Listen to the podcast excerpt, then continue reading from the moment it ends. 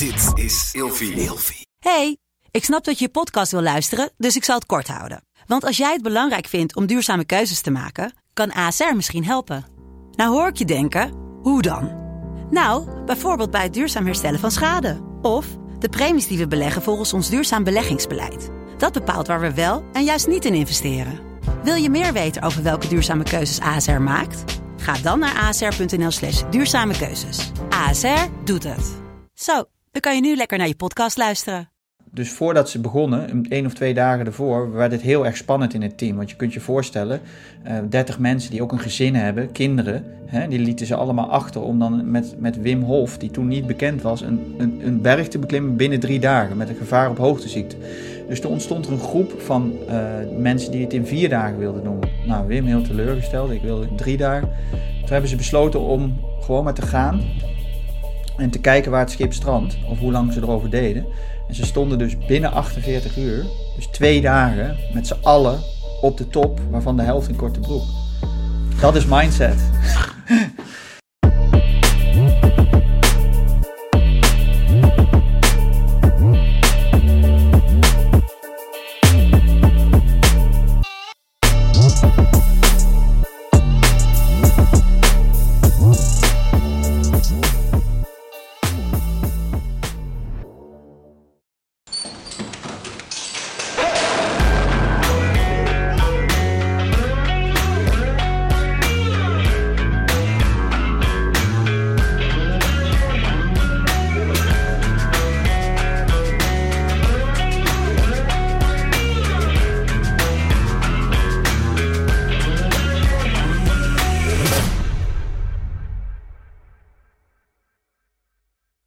Zo. Ik zeg dan, uniform correct.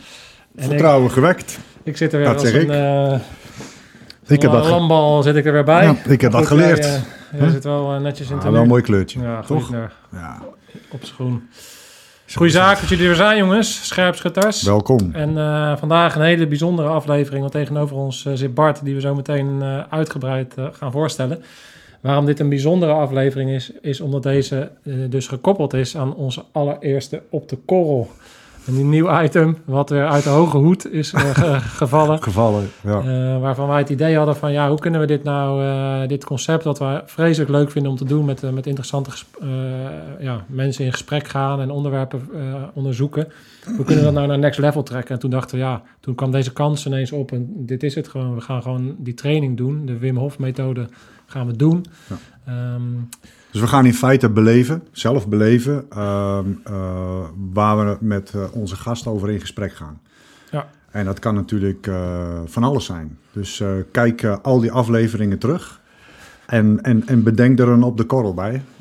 Ik heb ze al gezien en ik, ik verheug me nu ook al op alle hilarische commentaren die we waarschijnlijk vanuit de Ja. bekende hoek gaan, gaan ontvangen. Maar goed, we gaan ervoor. Nou, jullie hebben allemaal de op de call eh, inmiddels eh, kunnen zien. Dus gezien wat wij eh, gedaan hebben bij Bart Bier, Bierman, zijn wij de ehm, Wim Hof training gaan doen. En dan zijn we natuurlijk vreselijk uit onze comfortzone gegaan. Hebben we dingen, nieuwe dingen geleerd, hebben we dingen meegemaakt. En nu gaan we het komende uur gaan we daar eigenlijk wat meer op door. En willen we Ja. meer de verdieping op. Wat gebeurt er dan echt? En daarmee, wie anders kunnen we dan tegenover ons hebben dan Bart Biermans. Welkom. Dankjewel. Dankjewel. En Zit je dan op de korrel eh, bij scherpschutters? Hoe voelt dat?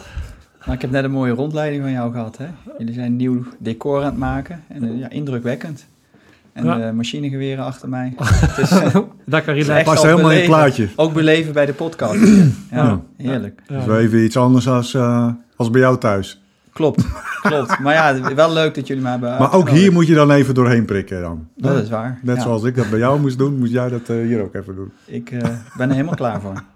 Ja, wat een, eh, wat een geweldige locatie waar je woont en hoe dat allemaal uitziet. Hè. Dat is echt, eh, het straalt gewoon rust en ja, hoe moet je dat zeggen? Iets, het, gewoon een mooie omgeving. Hoe is dat Ja. voor jou om daar te Ja. wonen?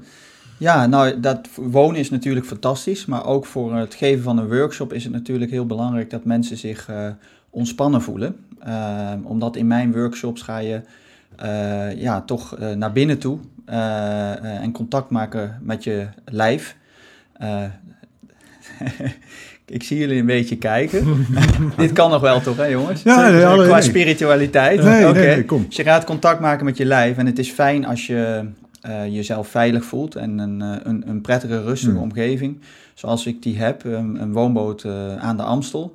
Weliswaar een heel druk eh, punt. Maar je, je hebt gemerkt, het is bijna geluidsdicht. Ja. Met een mooie plantenwand. eh, en eh, natuurlijke materialen. En Ja. voor de meeste mensen is dat meteen al een eerste stap om, om, om contact te maken en rustig Ja. te zijn. Ja, ik vond het een soort Begijnenhof op de Amstel. Ja, Begijnenhof, niet, eh, dat is een, eh, een plek in Amsterdam, midden in het centrum van Amsterdam, waar, waar vroeger eh, veel eh, nonnen ik ken eh, het, ja, bij het spui. hebben gewoond. En nu het, ja. wonen daar nog veel, eh, volgens mij vrouwelijke, oudgeestelijke Ja. eh, nonnen en dat soort. Klopt.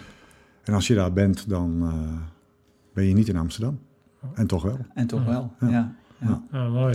Ja, jij benoemt al even net uh, gekscherend eh, van dit kan nog wel, omdat wij natuurlijk in de, ook in op, op de korrel hebben we ook wel benoemd hoe ver die werelden eigenlijk uit elkaar liggen. En dat heeft te maken met een bepaalde tone of voice, een bepaalde uitstraling die in onze cultuur waar wij vandaan komen, een heel erg alfa cultuur, vaak gezien wordt als eh, zweverig, als eh, softie, als zwak, als eh, weet je, allerlei... Ja. Geitenwolle sokken, geit- geitenwolle sokken, linkse klep. Ja. En, en dat maakt dat die, dat die eh, werelden zo ver uit elkaar liggen dat, dat ik denk dat daar hele grote kansen gemist worden. En ehm, eh, dat, dat, dat het zonde is dat dat eh, niet wat dichter bij elkaar komen. Ik denk dat Wim Hof, en daar zou je meer over vertellen, wel in staat is door die wetenschap te aan te hangen. Ja. Dat daardoor meer een brug gebouwd wordt tussen dat hele softe en de, en, en de harde wereld waar wij vandaan komen. En dat is maar goed ook, want wij weten inmiddels Mhm. Dat we er gewoon heel veel aan hebben en kunnen hebben en nog veel meer aan zouden kunnen hebben als we het iets meer eh, daarin duiken. Ja, en je, en je zegt eh, dat die werelden heel ver van elkaar afstaan. Maar eh vocaal, hè, dus de manier waarop je het benoemt, sta je misschien heel ver uit elkaar. Mhm. En het gevoel wat je erbij hebt, staat misschien heel ver uit elkaar. Maar in feite eh, staan die werelden helemaal niet zo gek ver van elkaar. Nee, dat klopt. De Wim Hof methode is eigenlijk eh, gestoeld op Oosterse technieken.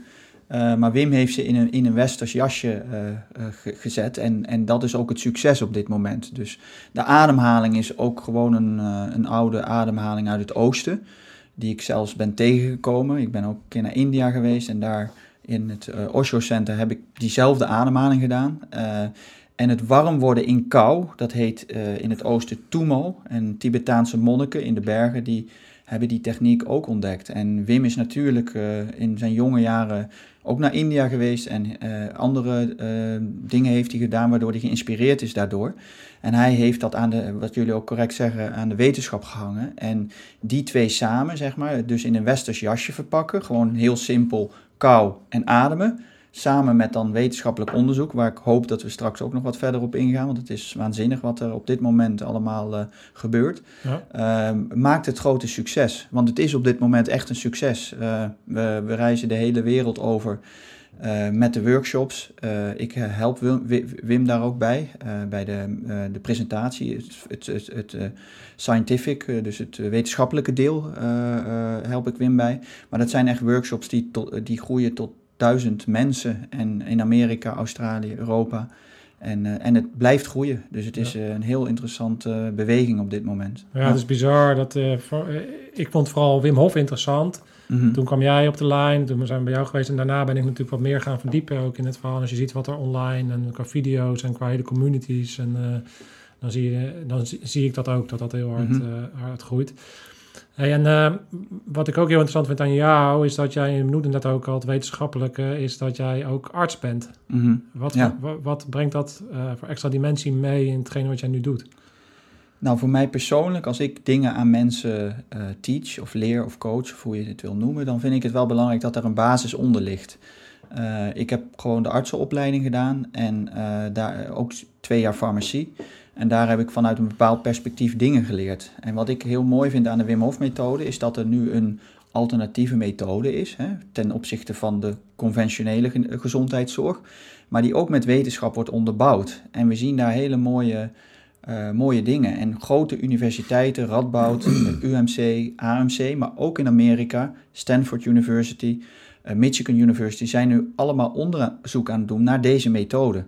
En de belangrijkste focus daarvoor zijn de chronische ziektes, waar we eh, hopen dat we daar mooie, eh, eh, ja, daar zien we mooie resultaten op in onze workshops. Maar dan is het natuurlijk mooi als dat ook nog vanuit de wetenschap wordt ondersteund. Hè? Want dan kun je de extra sprong maken, wellicht naar zorgverzekeraars of hè, om het nog groter uit te rollen. Want dat is wel uiteindelijk het doel. En dat is wel ook het reden waarom ik, ik heb dit voor mezelf gedaan, maar mijn hogere doel is ook het, ja, het, het, het, eh, bewust maken van mensen dat we dus gezondheid ook op een andere manier kunnen be- be- benaderen dan eh, medicijnen en hoe, hoe we dat nu doen. Hè? Dus er zijn dus ook gewoon simpele methodes als ademen en kou die dus hele mooie resultaten geven. Maar wat, is, wat, wat is dan de functie Mhm. van ademhaling en kou in, het, in, in, in, in dit kunnen bereiken? Ja. In het gezonder worden? In het gezonder worden. Nou, de, de, ik mis er nog één, want ik zeg kou, eh, ademhaling en dan is er nog eentje. Eigenlijk moeten jullie die nu ook Ja, weten. dus het beïnvloeden van eh, je, je auto-immuunsysteem. Nou, de mindset. De mindset. De mindset. Dus dat is eigenlijk de hele, hele belangrijke. Om even mensen die hier eh, de podcast luisteren of kijken, even een, een kleine hint te geven wat de mindset is. De mindset, ik kan dat aan de hand van een voorbeeld duidelijk maken. In de geneeskunde hebben we het placebo-effect. Dat zullen jullie denk ik ook wel ke- kennen. Ja. Nou, dat is een heel mooi voorbeeld van mindset. Want als je dus eh, eh, een groep mensen een medicijn geeft en een groep mensen een pil waar niks in zit, en je zegt dat is wel een pil die wat doet, dan zien we dus vaak dat de mensen die dus een pil zonder iets krijgen, eh beterder worden, of hoe, ja, hoe zou ik het zeggen, Eh, die, die, ze zijn Verbeteren. ziek, verbeteren, dan degene die de echte pil krijgen. Ja. Nou ja, dat is dus eigenlijk al de smoke and gun, vind ik persoonlijk, los van de Wim Hof methode, dat die mindset, hoe jij dingen ziet, dat zullen jullie misschien ook in de eh, mariniersopleiding hebben gehad. Hè? Dat, je, dat je denkt, dat kan ik niet. En dan, als je dan de mind goed zet, dan hé, hey, het kan wel. Nou, en dat vind ik het bijzondere dus aan die mindset. dat je dus, dat je dus door- met je mind iets, iets wat je denkt, dat kan niet. Maar als je er dus toch echt in gaat geloven, dan kan het dus wel. En dat, is- dat is Ja. natuurlijk exact waarom, waarom voor ons dit onderwerp Ja, dat enorm belangrijk is. Want wij kunnen natuurlijk iedereen vertellen die iets wil bereiken... dat je aan de halters moet gaan hangen... en dat je hard moet gaan leren rennen en dat je sterk moet worden. Maar uiteindelijk ga je tijdens de opleiding... gaat iedereen fysiek gesloopt worden. En dan blijft nog maar één ding over en dat is je mindset. Ja. En daarom is die zo vreselijk belangrijk eh, binnen het veld eh, waar wij gewerkt hebben... en eh, in algemene zin... Mhm, mhm. Om dingen te bereiken in je leven die je zelf of misschien wel onmogelijk acht. En wat dacht je van topsporters? Hè? Topsporters. Ja. Die hij is een, keer, een topsporter is in vorm of niet in vorm. Wat is in vorm? Dat is je mindset. Hè? En de ene keer is een topsporter die presteert die supergoed en de andere keer niet. En ik denk dat we daar dus ook nog heel veel winst kunnen halen bij topsporters, atleten. Van, uh, hè, als je dus, dus echt niet het fysieke gaat trainen, maar ook het mentale, dus je mindset. Ja, dan, dan, dan, dan, uh, dan, dan kun je daar nog veel meer uithalen. Ja. En, en Wim is eigenlijk het, het uh, grote hoe zou ik het zeggen? Hij maakt, ja, hij laat dat echt uitvergroot zien wat een mindset kan doen. Hij gaat, nou, daar heb je waarschijnlijk ook wel over gelezen, hij gaat de Mount Everest beklimmen in zijn uh, korte broek. Ja, dat kan toch niet? Nou, dat kan dus wel, tot 7400 meter. Uh, hij gaat onder een ijs zwemmen 60 meter. Hij gaat een marathon lopen bij de Poolcirkel in korte broek. een marathon in de Sahara zonder te drinken. Ik zeg niet dat je dat allemaal moet gaan doen, maar het, het maakt wel duidelijk van, hé, hey, je kunt dus echt met je mindset heel veel doen. Ja, ja, Dat, dat is het ene wat het mij zegt. En het andere, wanneer het pas echt interessant wordt wat mij betreft. Want je kan in Mhm. al die dingen die je net opnoemt, kan je altijd zeggen van ja, maar Wim Hof is zo bijzonder. Hè, Ja. dat, dat, dat, dat hij dat kan, Ja. dat zegt nog niks. Kijk, het wordt pas echt bijzonder. Ja, Wat mij betreft in het Wim Hof avontuur. Ja. Op het moment dat hij dus in staat bleek om ook andere mensen dingen te laten doen die eigenlijk ja, uh, Dacht, Truus uit Huppelkutteveen het ook al. Ja, ja. dat is Ik- waar de echte crux zit natuurlijk. Maar, maar, eh, ik ehm, wil niet te lang aan het woord zijn, maar ik wil het verhaal van de Kilimanjaro wel vertellen. Ja, nee, maar ik wil Ja, eerst... eh, ja, ja. Jij, eh, ik ben nooit aan het woord hier. Ja. Luister. Nee, eh, la- laten we daar zo op terugkomen. Ja, Waar ik nou even benieuwd naar ben, hè, dus je hebt, je hebt ademhaling, kou en mindset. ja. Wat doen die ademhaling en die kou naast de mindset dan voor een eh, betere gezondheid? Want daar heb ik nog geen antwoord op. Heb je even?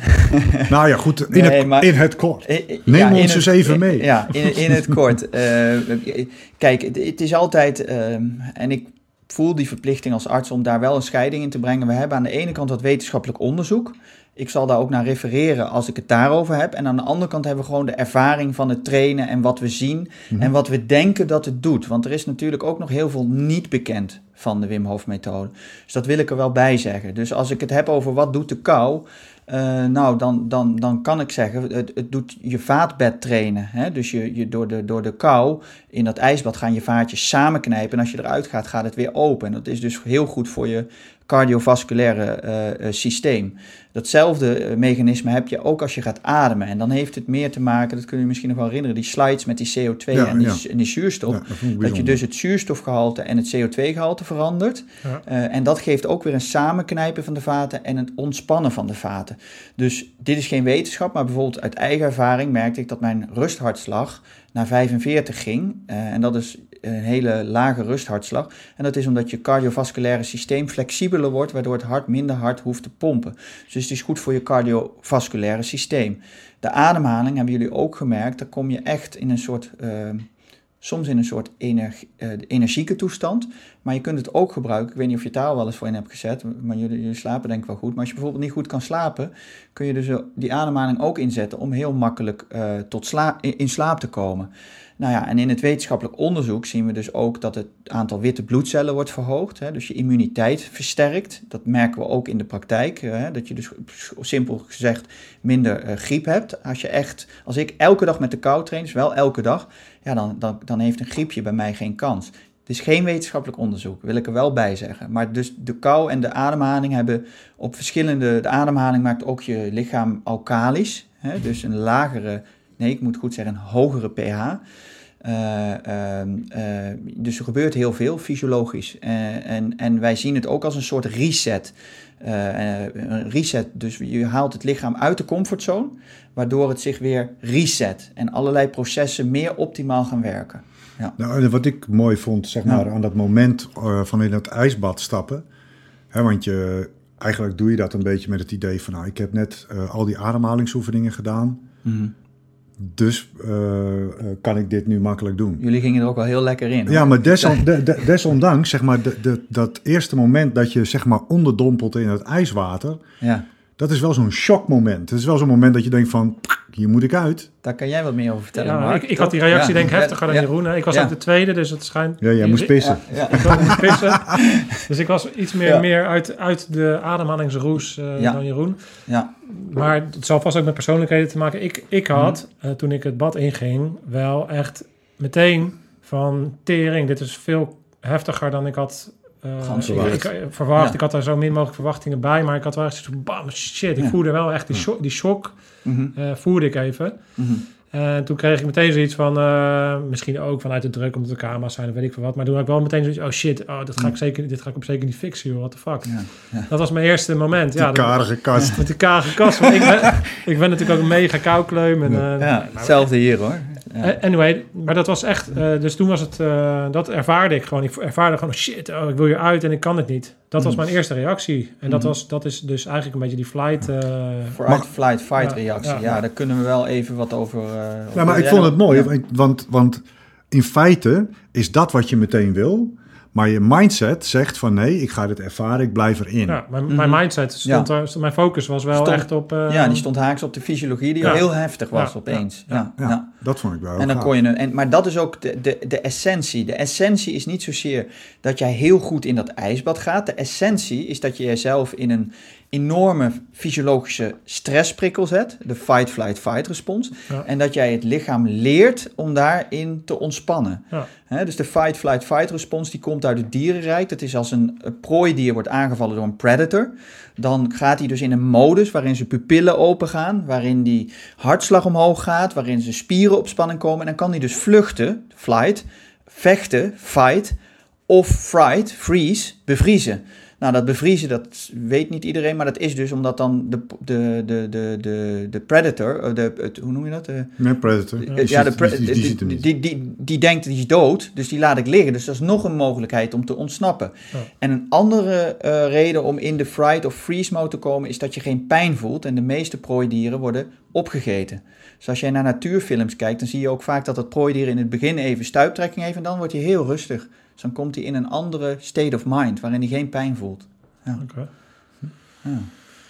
Ja, Ja, ik ben nee, heel enthousiast, jongens. Jullie moeten mij onderbreken. Ja, nee, nee, helemaal niet. Da- Daarvoor hebben we je hierheen gehaald. Oké. Daarom, eh, Ja, dan hoef ik zo min mogelijk te zeggen. Nee, maar, die, maar die, ehm, dat heb ik dus eh, ervaren. Ik ben natuurlijk vaker, denk ik, dan een gemiddeld persoon in situaties gekomen die spannend zijn. En Mhm. die dan eh, die reacties zouden moeten oproepen. En op het moment dat ik dat bad inging, eh, kon ik dus daadwerkelijk ervaren wat er dan dus in je lichaam gebeurt. En wat, hoe je dus in staat kan zijn om, oké, weet je, eh, dat dat toch om te zetten. Jij eh, ging toen ook wat in mijn oor zeggen van, oké, dit en dat, jij kan dit. En een beetje Mhm. die aanmoediging geven. Affirmaties, Ja, positief. zo- zo'n ja. beetje. die- eh, eh, en toen merkte je eigenlijk heel snel, want dat was, was enkele seconden, denk ik, dat je dus dat omzet. Mhm. En dan eh, die dingen soort van kan gaan reguleren. En kan kijken, oké, wat gebeurt er nou? Ga ik hier dood aan? Dus dan krijg je nee dus. Hè, dus en dan, dan dat gewoon een soort van, van, van ervaren. En toen vloeide die eerste reactie heel snel weg. Ja, het is de bedoeling om echt in je lijf te komen. En zo'n ijsbad brengt je in je lijf. En ook na de ademhaling hebben jullie ook gemerkt dat je best wel... Ja, je, je komt in een plek, daar zullen we het straks ook over hebben... eh, minder in je lijf. En hier, hier kom je echt weer terug in je lijf. En dat vind ik het mooie aan het ijsbad. Dat je dus echt een soort... Ja, ik noem het altijd een soort super yoga oefening. Je komt, bij yoga ga je in een positie staan die je niet fijn vindt. En daar adem je doorheen. Maar een ijsbad is eigenlijk hetzelfde. Alleen daar kun je niet niet smokkelen. Bij een yoga pose kun je nog even wat anders doen. Maar hier zit je in het ijsbad of je bent eruit. Dus je moet naar jezelf toe. Ja. En als jij in je hoofd schiet naar een angst of naar ik kan dit niet of wat dan ook, dan ben je eruit. Maar als jij echt contact maakt met je lijf, en dan mochten we gebruiken dat woord, dus het contact Ja, maakt met je lijf, dan kun je blijven. Ja, dus het is een, een enorme uitnodiging om dat contact te maken. Ja. En, en, en een, een hele dringende uitnodiging, want die, dat ijsbad, dat, die, dat forceert je eigenlijk om dat contact aan te gaan. Ja, wat ik, Ja. ja. dat, Of- dat, dat, kijk, wat wij in de moderne wereld natuurlijk hebben, is dat we inmiddels leven op een manier dat eigenlijk continu alleen maar die gedachten de hele dag Ja. alleen maar aan zijn. En we inmiddels alleen nog maar hier leven, In het hoofd, ja. in het hoofd leven. En daardoor ook de bloedtoevoer eh, eh, meer daar eh, mee bezig is dan vroeger waarschijnlijk. Ja. Ehm, en wat ik dus interessant vind aan deze methode is dus de ja, laagdrempelige manier om dat dus soort van te, te, te doorbreken. Mhm. Ehm, en dus weer even eh, andere dingen te ervaren dan alleen maar dat hoofd. Dat hoofd, ja. Je zegt het heel mooi. En, en je kunt het het onderbewuste noemen of het lijf. Je weet nog wel die mooie slide met die hersenen, hè, dat je verschillende hersendelen hebt. Ja. Eh, dat is denk ik om deze podcast diep op in te gaan, eh, gaat iets te ver. Maar wat ik erover wil zeggen is dit. Je hebt dus, hè, wij zijn een hele succesvolle soort, de Homo sapiens. Eh, en wij zijn zo succesvol eh, omdat we een hele grote hersenen hebben. En een groot deel van die hersenen noemen we neocortex, neo van nieuw, dus het laatst geëvolueerd. En daar zitten wij heel erg veel in. En dat is eigenlijk je hoofd de hele tijd. En da- Ik niet altijd hoor. wat? en daaronder zitten de, de diepere lagen van je bewustzijn, of wij noemen dat reptiele brein, emotionele brein. En daar zit bijvoorbeeld je intuïtie, of daar zitten dingen die, eh, die wij niet zo goed meer kennen. Kijk bijvoorbeeld, ik noem altijd mooi het voorbeeld, als er een tsunami aan, eh, aan wal komt, hè, dan zijn bijna alle dieren zijn al weg. Dus die zijn nog wel verbonden met hun instinct. Wij noemen dat dan heel mooi intuïtie. Maar er is dus wel iets. Ja? En wij, omdat wij niet meer in de natuur leven en omdat wij steeds meer vanuit het hoofd zijn gaan leven, zeggen sommige mensen dat bestaat niet eens. Dat is misschien wel wat je zegt, dat stomme spiritualiteit. Hè? Ja, ja. Dat, dat zachte gedoe. Maar dat is wel een essentieel deel van mens zijn. Hè? En, en ik vind het leuk om het nu zo in een wetenschappelijke Wim Hof methode te verpakken, zodat ik ook jullie kan bereiken. Want ik zit hier nu in jullie podcast. ja, En jullie hebben het ervaren. En dat vind ik het mooie Kijk, hieraan. van de oorsprong waarom ik, waarom ik daarop aanga, is omdat ik denk van het is ehm, een onderdeel ook van, eh, van een warrior zijn. Hè? Dus wij zijn dan ehm, in de moderne wereld zijn wij een wereld ingegaan eh, waarop we dan eh, ehm, strijder zijn geworden. Maar ik vind het zo raar dat we eigenlijk dat deel een soort van verloren zijn. Terwijl ik denk als je teruggaat naar de, toen we nog aan het jagen waren, dat, dat, dat, dat, dat waren juist denk ik de jagers heel erg goed in staat om contact te maken met de intuïtie. Mhm. En dat, ik vind het zo raar dat we nu op een, punt beland zijn dat dat een soort van iets vaags geworden is of iets eh soft of zo. Ja, Ja, maar ja, eigenlijk. ja. Ja, ik, ik zie het van, hey, eh, je moet ehm, eh, drie I's aan elkaar leren verbinden. En ik denk dat dat, dat, ehm, dat de eerste twee I's eh, eh, bij heel veel mensen gewoon niet meer bestaan of, of, of vergeten zijn. In die drie, dat is Dat is je, je, je instinct. Mhm. Dus dat zijn je primair Je gut aangedreven... feeling. Ja, nee, dat zijn je primair Ja. eh, aangedreven systemen. Ja. Daarna komt de intuïtie. Dat is je gut Oh, feeling. dat is je gut feeling, ja. Dus dat voel je. ja. En dat, da- da- da- daarmee kun je zeg maar je gedrag eh, laten leiden. Mhm. En intelligentie. Mhm. En Ja. als je die drie naast elkaar heel snel weet te vinden, Wat was de eerste INO? Instinct. je instinct. Instinct dus dat is je eh, primair aangedreven ja. systeem. Dan intuïtie. Hè. Intuïtie Ja. zit al meer cognitief. Mhm. Maar je voelt iets wat je dan cognitief intelligent beoordeelt. Mhm.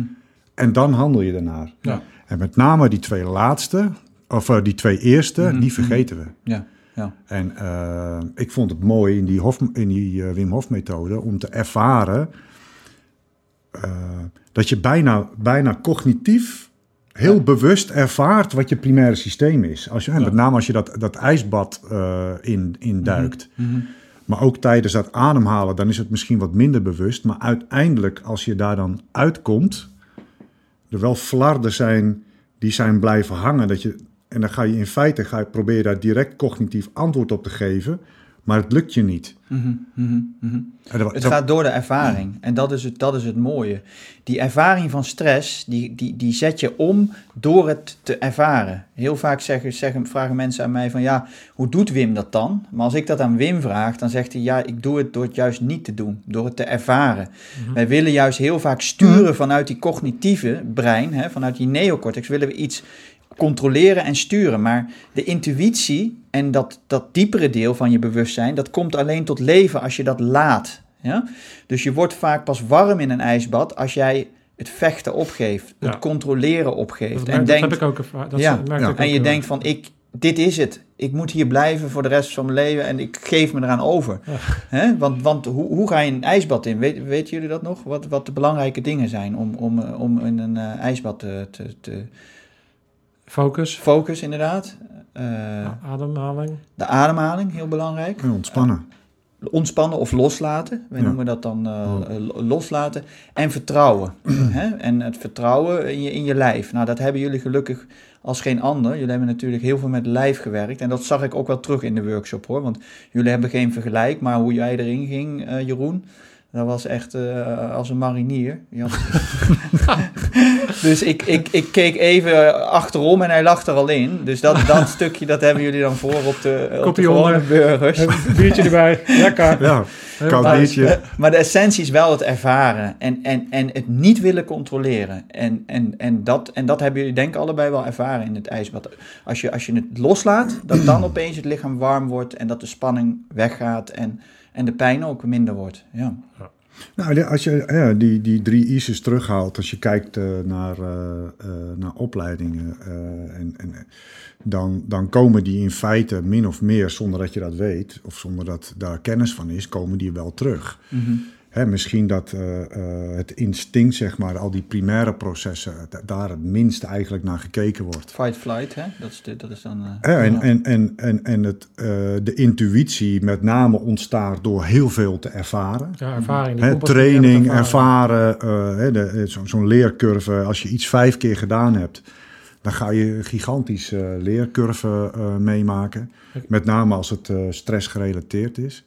Intuïtie wordt wel... Ge- oh, sorry, maak je af. Of, eh, Nee, Ja, want zeggen? met de intuïtie, ik moet aan denken aan een voorbeeld waarvan ik denk dat, dat intuïtie wel veel gebruikt is. Maar dan denk ik dat de discussie zal worden, is dat een intuïtie of een stukje ervaring of een combinatie daarvan. dat is moeilijk. Is, is met eh, searchers bijvoorbeeld, weet je. De Mhm. searchers die waren verantwoordelijk voor om te bepalen waar er een verhoogd risico was dat er IED's, bermbommen zouden liggen. Mhm. Die waren dus eigenlijk verantwoordelijk voor de hele stoet die er achteraan komt. Dus een gigantische ver- verantwoordelijkheid Ja. voor, voor jongens eh, die dat eh, moeten handelen. Want zij, van tevoren kunnen ze op basis van de kaart kunnen ze natuurlijk bepalen van nou, dat zijn choke points, dat zijn choke points. En een choke point is dus een punt waar het logisch zou zijn dat er Mhm. een, bepaald, een bepaalde marker staat, dat ze die bermbommen kunnen afzetten en dat ze dus daar eh, logischerwijs kunnen liggen. Maar er zijn denk ik heel veel voorbeelden eh, te bedenken waarop toch op intuïtie, op, op, op zo- zo'n soort van een gut feeling. Volgens mij moeten we stoppen. Volgens mij moeten we daar Mhm. toch eh, checken, zonder dat daar misschien direct een aanleiding voor is. Eh, dat is een heel aanwijsbaar ja, Mhm. situatie voor militairen. eh, waarvan ik denk dat intuïtie bijvoorbeeld heel. eh, Ja, maar dat, die, die intuïtie die is dan waarschijnlijk ontstaan doordat er eh, heel veel eh, eh, geoefend is, heel veel situaties opgezocht zijn om eh, eh, te Ervaren, beoordelen. dat is eigenlijk wat je en dat er daarin Ja. gewoon impliciete verbindingen gemaakt zijn, die uiteindelijk oppoppen, Ja. eh, omdat ze eh, iets herkennen. Ja. En ineens denken ze van boem, nu moeten we stoppen. Ja. Misschien wel vanuit het onderbewuste signalen, Ja. die je dus eigenlijk niet eens meer bewust binnenkrijgt, maar toch denkt van hé, hey, nu moet ik Ja. eh, actie ondernemen. Ja, net, net, die, Ja. e- net die Ja. ene pax die je dan, Ja. eh, die ene man of zo, die, je in je, Ja. die je niet echt heel Ja. bewust meekrijgt, maar dat je toch merkt dat die gespannen is. Of Mhm. het zijn denk ik hele kleine tekenen die je dan normaal gesproken misschien zou missen. En die dan, eh, als, je, als je het toelaat, misschien eerder zou eh, herkennen. Maar dat is heel ongrijpbaar natuurlijk. Mhm.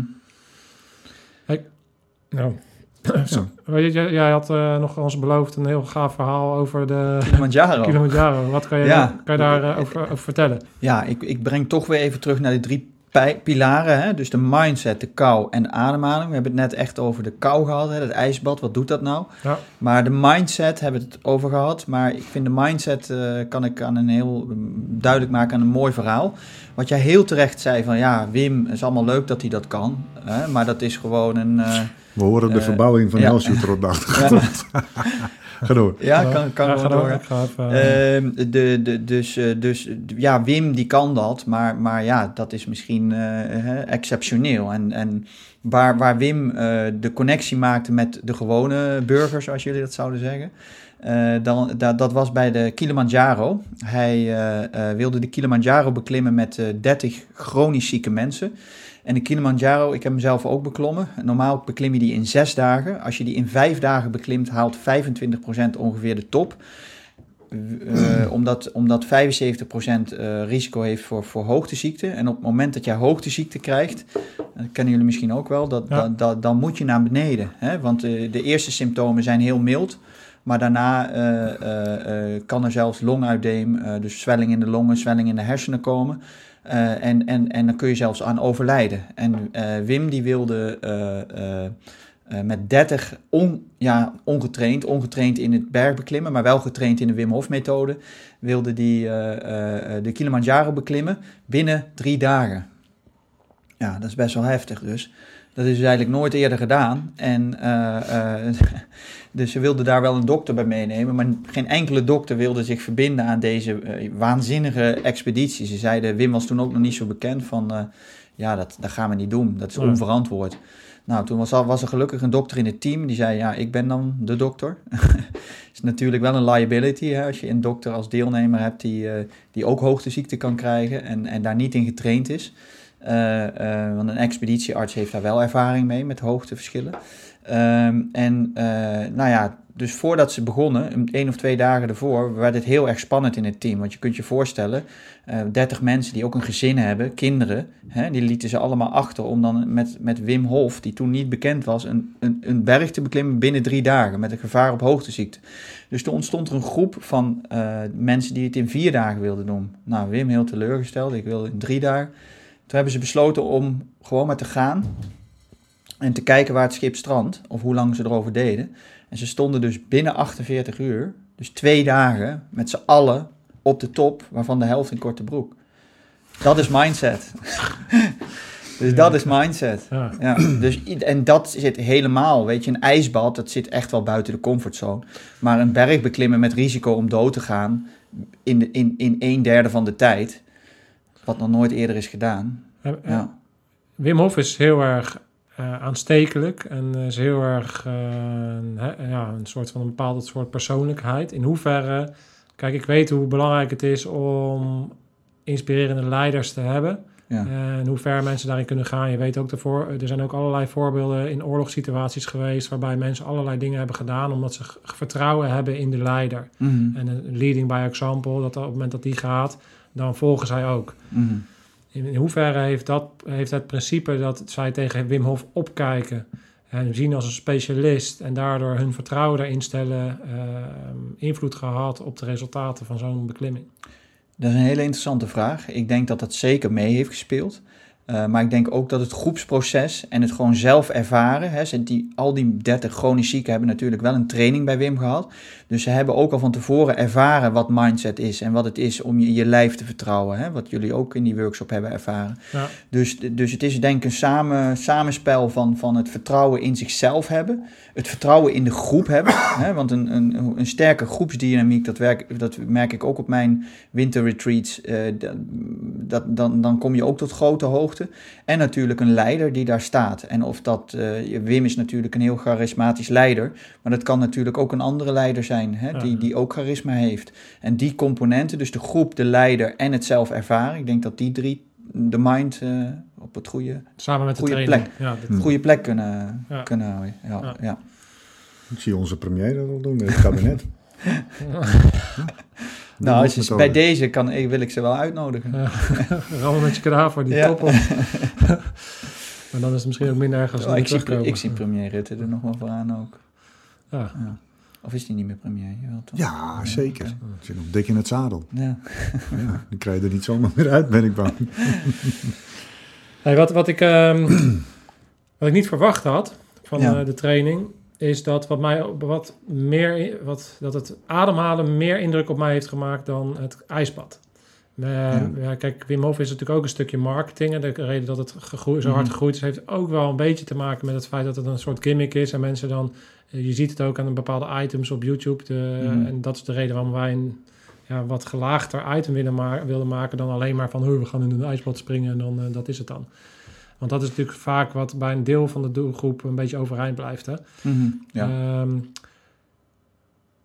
en dat heeft ook te maken met dat, dat, dat is heel aanwijsbaar. Dat is uh, tof in een ijsbad zitten. Daar heeft mm. iedereen een soort van beeld bij. Maar wat ik dus heel interessant vond, was dat, dat de ademhaling eigenlijk veel meer, veel heftiger was. En ook ja. echt iets met je, met je doet. Kan jij vertellen waarom dat um, heftig is. Dus wat er met je gebeurt ja. en wat er dan ook ja. in je mind kan gebeuren. En wat de resultaten zijn die je ook wel hebt gezien in jouw praktijk. Wat er met mensen gebeurt. Ja, nou ja, je zegt het heel erg treffend. Want de mensen boeken voor het ijsbad. En het is een mooie manier om ze met een ademhalingstechniek uh, in contact te brengen. Uh, en de mannen doen nu ook mee. Dus uh, de meeste workshops die ik in mijn ik, ik heb ook een uh, soort persoonlijke ontwikkeling doormaakt. Was ik een van de weinige mannen hè, bij meditatie of yoga of wat voor dingen. En nu bij Wim Hof zie je zelfs op de workshops, de winterweken van Wim, dat het alleen maar mannen zijn. Dus de mannen voelen zich heel erg aangetrokken tot deze vorm van spiritualiteit. Uh, Hoe eng wordt. Uh, ja.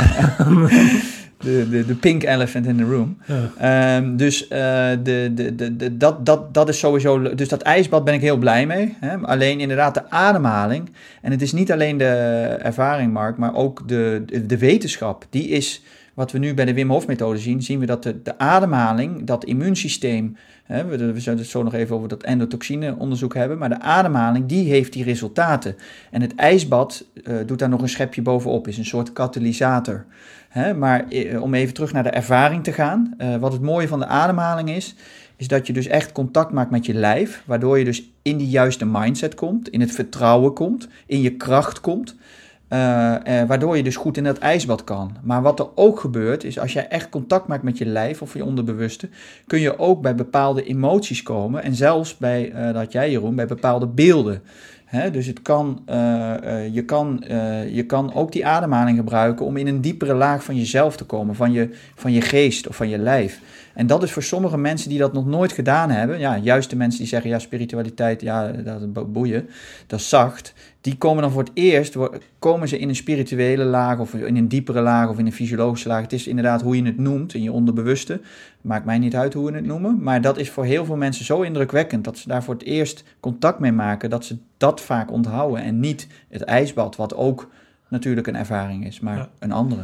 Ja, want, want de, de manier waarop jij op ons pad bent gekomen is omdat jij een arrestatieteam uh, ja. hebt gehad en jij ja. verbaasd was, of in ieder geval het interessant vond uh, hoe de resultaten uh, daar waren.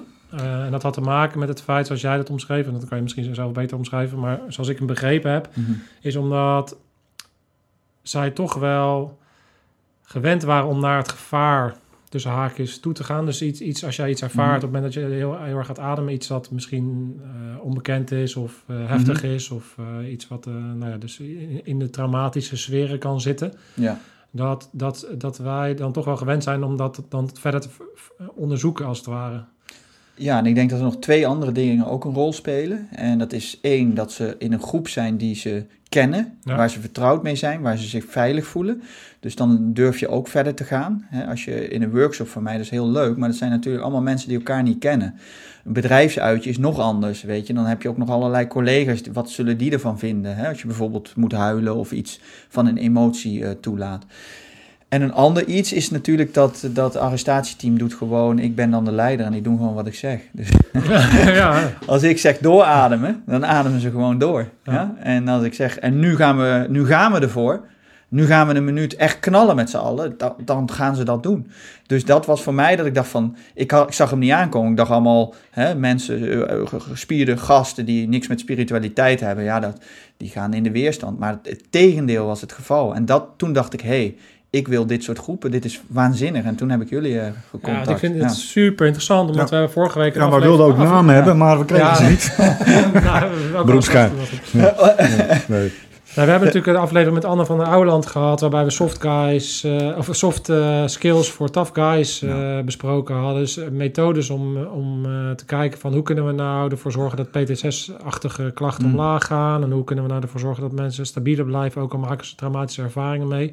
En ik vind dit ook interessant, omdat het, het, het- voor mijn gevoel zitten daar ook raakvlakken. Omdat het dus resoneert bij een grote groep mannen. Mannen vinden het gewoon makkelijker Mhm. en willen minder tierenlantijntjes hebben en Ja. gewoon ademen en kou. Dat is, dat, Ja. dat, dat, dat, dat, dat is Ja. gewoon, weet je, dat klopt. Ja. Eh, dat dat denk ik een methode is die binnen een wereld als defensie en justitie denk ik heel erg eh goede tool zou kunnen zijn om Mhm. te kijken o- of we mensen op die manier hun uitknop weer kunnen laten vinden. Op het moment dat jij in een uitzendgebied bent, je staat continu aan. Ja.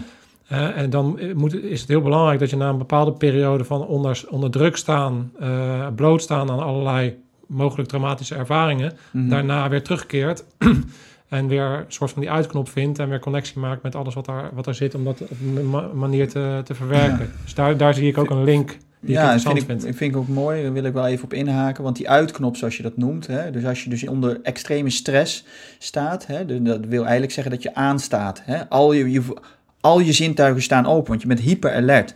Hè, en ik, posttraumatische stress heeft er natuurlijk ook mee te maken. Hè, ook nog met eh, herbeleving, met dromen en zo. Maar ook die mensen zijn super alert. De hele tijd kan er wat gebeuren. Ja. Nou, en deze methode die kan dus ook zorgen dat je dus tussen het parasympathische, het rustzenuwstelsel en het sympathische zenuwstelsel, dat je leert om daar zelf tussen te switchen. Hebben jullie ook tijdens de ademhaling gewerkt, eh, gemerkt. Tijdens het echt doorademen zit je echt in die sympathicus, maar in de retentie, het stoppen met ademen, kom je echt in die rust. En na een aantal ro- rondes als we stoppen, ja, de meeste mensen, jij viel, dat weet ik nog Jeroen, jij viel in slaap. Nou, Nee, ik is, was eh, niet in slaap Ja, niet in slaap. Maar Nee. toen ik raakte jou aan en toen schrok je echt zo een beetje. Mhm. Je was echt in een plek waar het heel rustig was. Althans, zo zag het eruit aan de buitenkant. Ja. Ehm, en, en, en dat is dus, je kunt dus ook, dus ook wat ik in het begin van de podcast zei, het slapen. Als wij telkens in die actiemodus zitten en we gaan in bed liggen en die gedachten gaan door en de hartslag blijft hoog, kom je niet in slaap. Hè? Dat is ook stress. En met deze methode kun je dus ook die hartslag omlaag en weer in je lijf uit die gedachten. En dan val je eigenlijk vanzelf in slaap. Ja. Dus, dus het is een hele mooie manier om te switchen tussen die actie en die rust. Ja. Terwijl sommige mensen in die actie blijven. Ja. Ja. Ja, ik denk, ik denk dat dat een skill is die essentieel is voor eh, mensen die het werk Ja. doen eh, wat wij gedaan hebben. Mhm. En, en dat, dat, dat ik het eh, gek vind dat dat dus nog steeds zo'n ja, zo'n bepaald imago heeft. En daar moeten we gewoon Nou ja, en, en, en Ja. ik denk dat het ook wel een beetje te maken heeft met het sfeertje waarin je dat nu kan vinden. Mhm. Hè, eh, eh, eh, met, eh, hè, nou, bij jou thuis ook. Het, ik vind het, het is een prachtige locatie. Maar je, je, je, zeg maar op de plek waar je bent, dat is een beetje boeddhistisch-achtig richting natuur ingericht. En Ja. ik vind dat heel mooi. Maar niet als ik bepaalde oefeningen denk van ja, dat is toch weer een beetje dit sfeertje. Snap je? Ja. En, en, en ik denk dat dat stigma, daar moet je vanaf. Ja. Weet je wel, hoe je het ook, ook noemt, eh, hoe degene tegenover je er ook uitziet. Hè, al is het een, eh, een oude vrouw met lang grijs haar in een bloemetjesjurk. Ehm, eh, die, eh, dat stigma wat op spiritualiteit, eh, spiritualiteit hangt, met name in, zeg maar in Ja. onze wereld, Ja, dat moet er vanaf. En als je dat dan eens loslaat en je gaat weer, komt weer eens terug bij instinct en intuïtie, dan is in feite spiritualiteit je instinct en je intuïtie intelligenter maken. Ja. Zodat je het kan inzetten op de juiste momenten. Ja. En dan ben je er alweer vanaf. Dus in feite, in heel veel trainingen en heel veel dingen die je gedaan hebt, doe je het al. Alleen je hebt ze voor jezelf niet intelligent gemaakt. Dus op momenten dat je het nodig hebt, kun je het niet vinden. En op momenten dat je eh, in high arousal staat en in, eh, eh, op scherp staat, dan maakt het allemaal niet uit. Want daar ben je in getraind. Maar op momenten dat, dat het uit moet, dan vind je het niet. Ja. Maar in die zin denk ik dus dat je alleen al ehm, dit soort dingen geen spiritualiteit moet noemen. Nee. Om, om te resoneren bij de, Nou, common sense. bij de doelgroepen waar wij het over hebben, Mhm. is het gewoon een fucking skill. Het is gewoon Ja. een drill. Gewoon, het is gewoon iets wat je Nou ja, gewoon eh, wat je gaat toepassen bij Ja. jezelf. Ja. Waardoor jij als, als oorlogsmachine, hè, de belangrijkste machine die je hebt in, in oorlog, Ja. ben je langer operationeel inzetbaar op het moment dat je deze skill kent. Zo simpel is het. Ja. En het heeft Ja. helemaal niks met spiritualiteit te maken.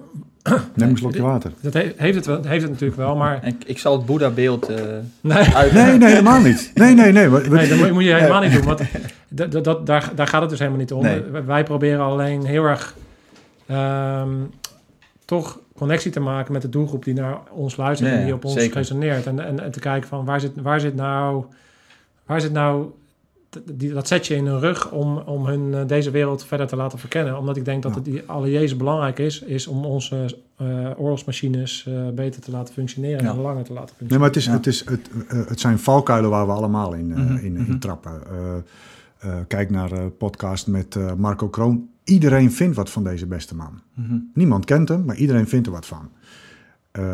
Gekop, kijk het naar mezelf, want ik, ik ben dan gewoon heel eerlijk. Als ik in die setting zit, dan vind ik er meteen wat van. Mhm.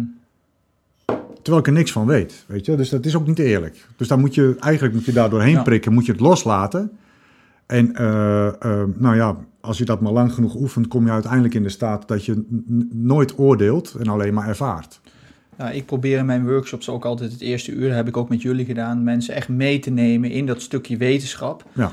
Eh, en ook van, hé hey jongens, kijk, dit, dit is er gewoon bekend. Eh, want voordat mensen gaan ervaren en zich veilig voelen, moeten sommige mensen die wat meer cognitief eh, zijn, hè, dus in hun hoofd. En veel mensen die bij mij boeken, omdat ik arts ben, zijn ook, ja, die, die, die, die boeken dat omdat ik arts ben. Snap je? Dus die zitten al best wel in hun hoofd en met de sign.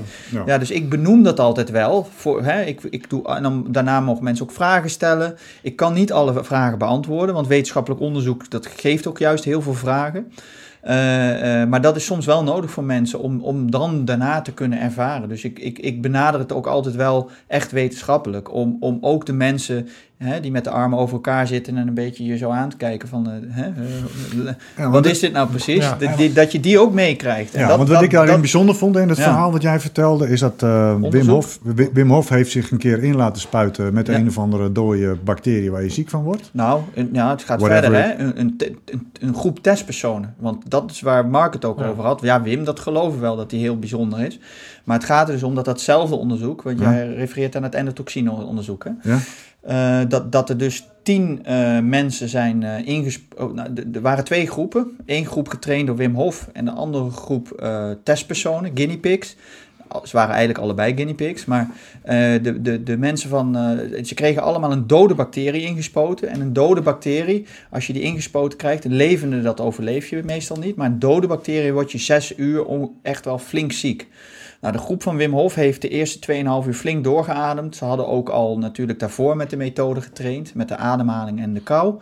En wat we dus zagen, en dit is echt changing the, the textbooks, hè, de medical textbooks, dat, eh, dat, dat de groep die door Wim Hof getraind was, eigenlijk niet die heftige reactie kreeg van koorts en rillingen en, en eh, de ziekteverschijnselen. Eh, en, die, en die controlegroep die niet getraind werd door Wim, die kreeg dat dus wel. En toen zijn ze in het bloed gaan kijken hè, van wat gebeurt daar nou precies. En wat we dus zien is dat, eh, wij noemen dat de inflammatoire respons of de, of de ontstekingsreactie, dat die bij de groep van Wim sterk onderdrukt werd. Die werd sterk onderdrukt. Hoe kan ik dat uitleggen? Een ontstekingsreactie is eigenlijk op het moment dat er bijvoorbeeld ergens een dode bacterie binnenkomt, dan gaan daar heel veel witte bloedcellen naartoe ja, om te vechten. Mhm. Eh, en dat werd dus eh, onderdrukt. Eh, en dan zou je zeggen, ja, is dat dan goed? Dan moeten toch eh, eh, bloedcellen naartoe om te vechten. Nou, niet bijvoorbeeld bij auto-immuunziektes. Als je bijvoorbeeld eh, pollenallergie hebt. Ja, present. Ja? Ik, ik heet niet alleen Ja. pollen, maar Ja. ik ben dus ook allergisch voor mezelf. Ja. Ja, dan zou je het wel verdiend hebben. Nou ja, dat, dan, word je dus, dan wordt dus die, een pol aangevallen. Nou, dat Ja. wil je niet. Ja. Want dan krijg jij vocht in je longen en dan krijg je, word je kortademig. Nou, wat voor impact we dus zien bij mensen die dit doen in de workshop... is dat als je zo'n allergie hebt, dat ze veel minder last daarvan hebben... als ze dagelijks die ademhaling doen. Dus ik ben ook heel benieuwd... Als jij dat... Is het nu pollenseizoen of niet? Nee, Ja, dus ik ben wel heel benieuwd. eh, Maar ja, thuis is het elke ja, dag polseizoen. ja. Hè? Vraag maar als een meisje. Nee het voorjaar, ja. ik krijg meestal april, eh, helemaal begin van het seizoen, de berg. Ja. eh, dan heb ik um, een paar weken echt heel heftig last van. Het is pas sinds een jaar of zes, zeven, acht, denk ik, dat ik dat heb. Vroeger heb ik dat, had ik er nooit last Ja, van. ben Dus ik het is heel benieuwd, wat want- ontstaan is, dus ik ga dat dit jaar testen. En, dan zien, en we zien het bij heel veel deelnemers, zien we dus dat ze echt eh, niet zozeer ervan genezen, maar wel de symptomen heel, heel, heel erg eh, omlaag kunnen gaan. En dat is natuurlijk waanzinnig.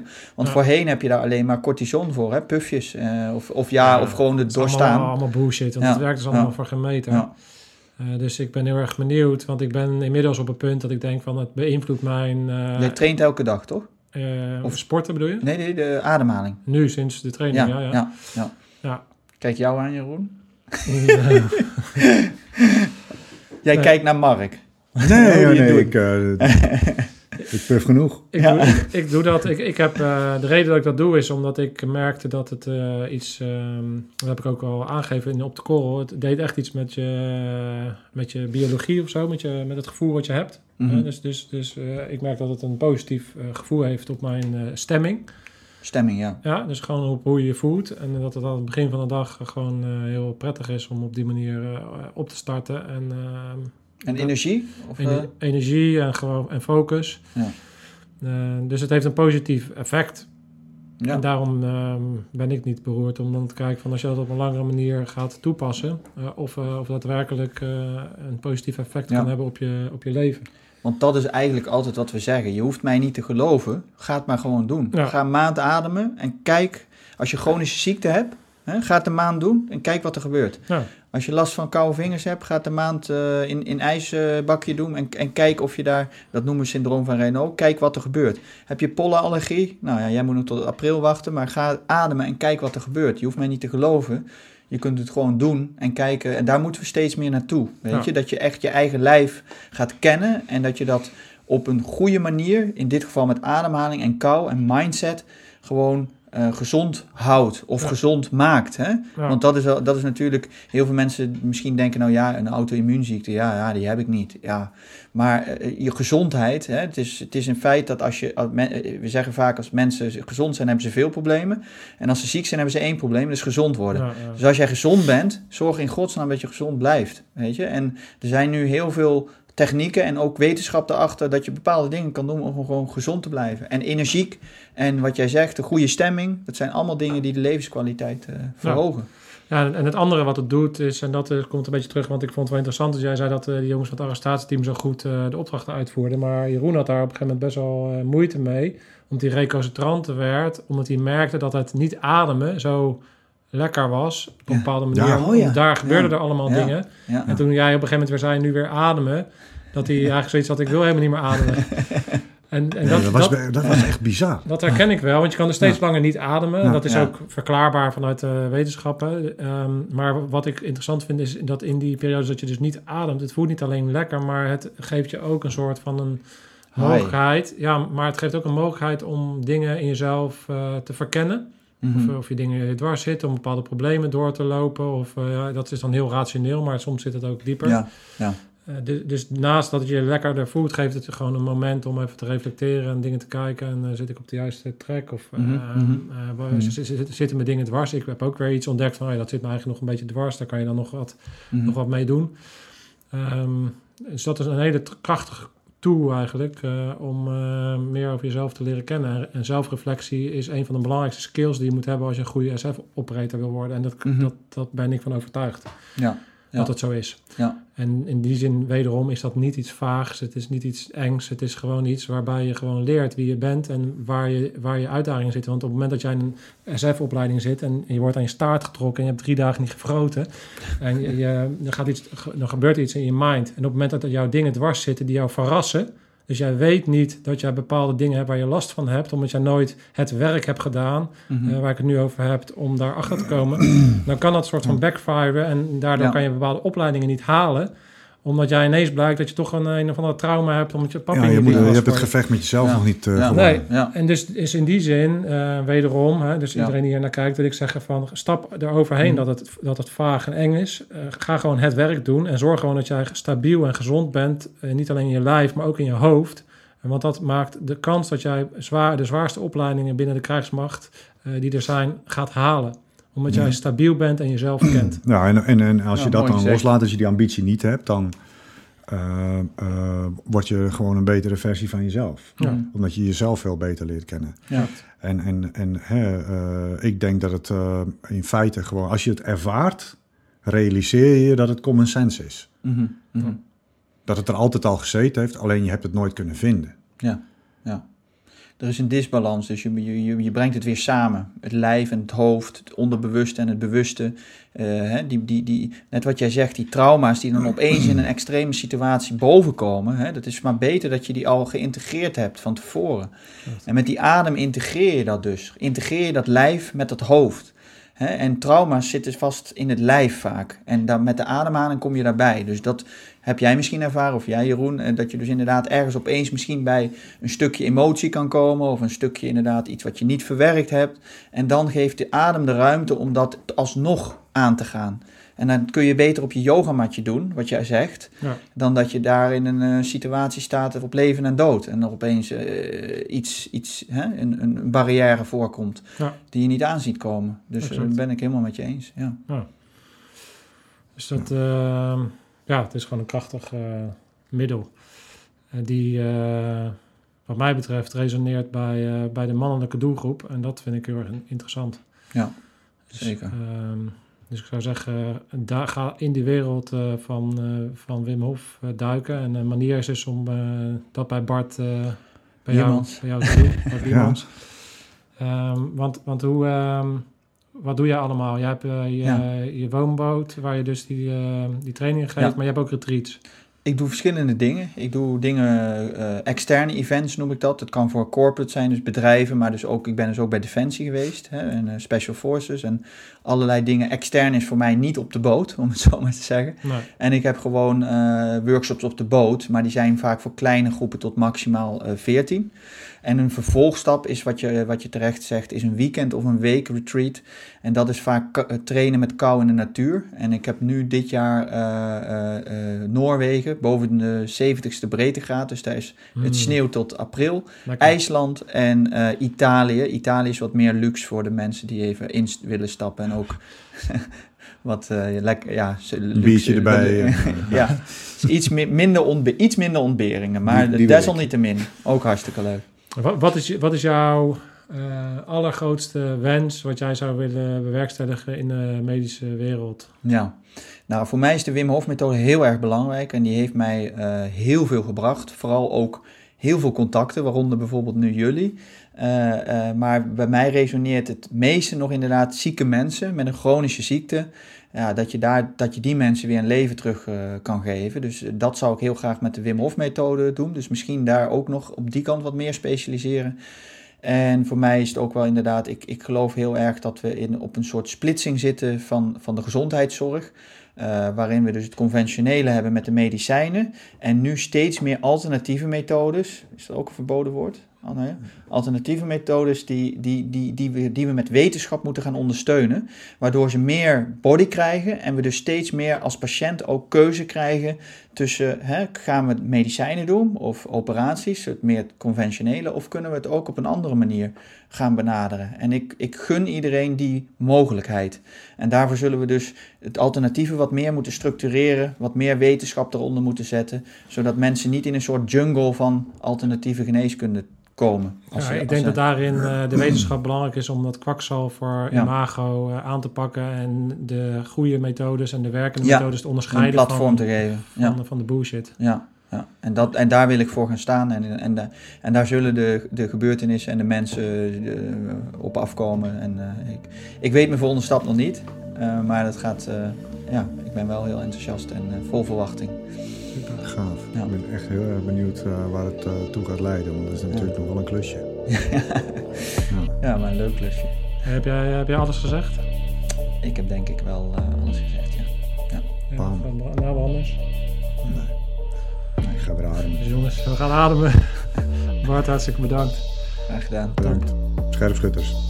Uit. Uit.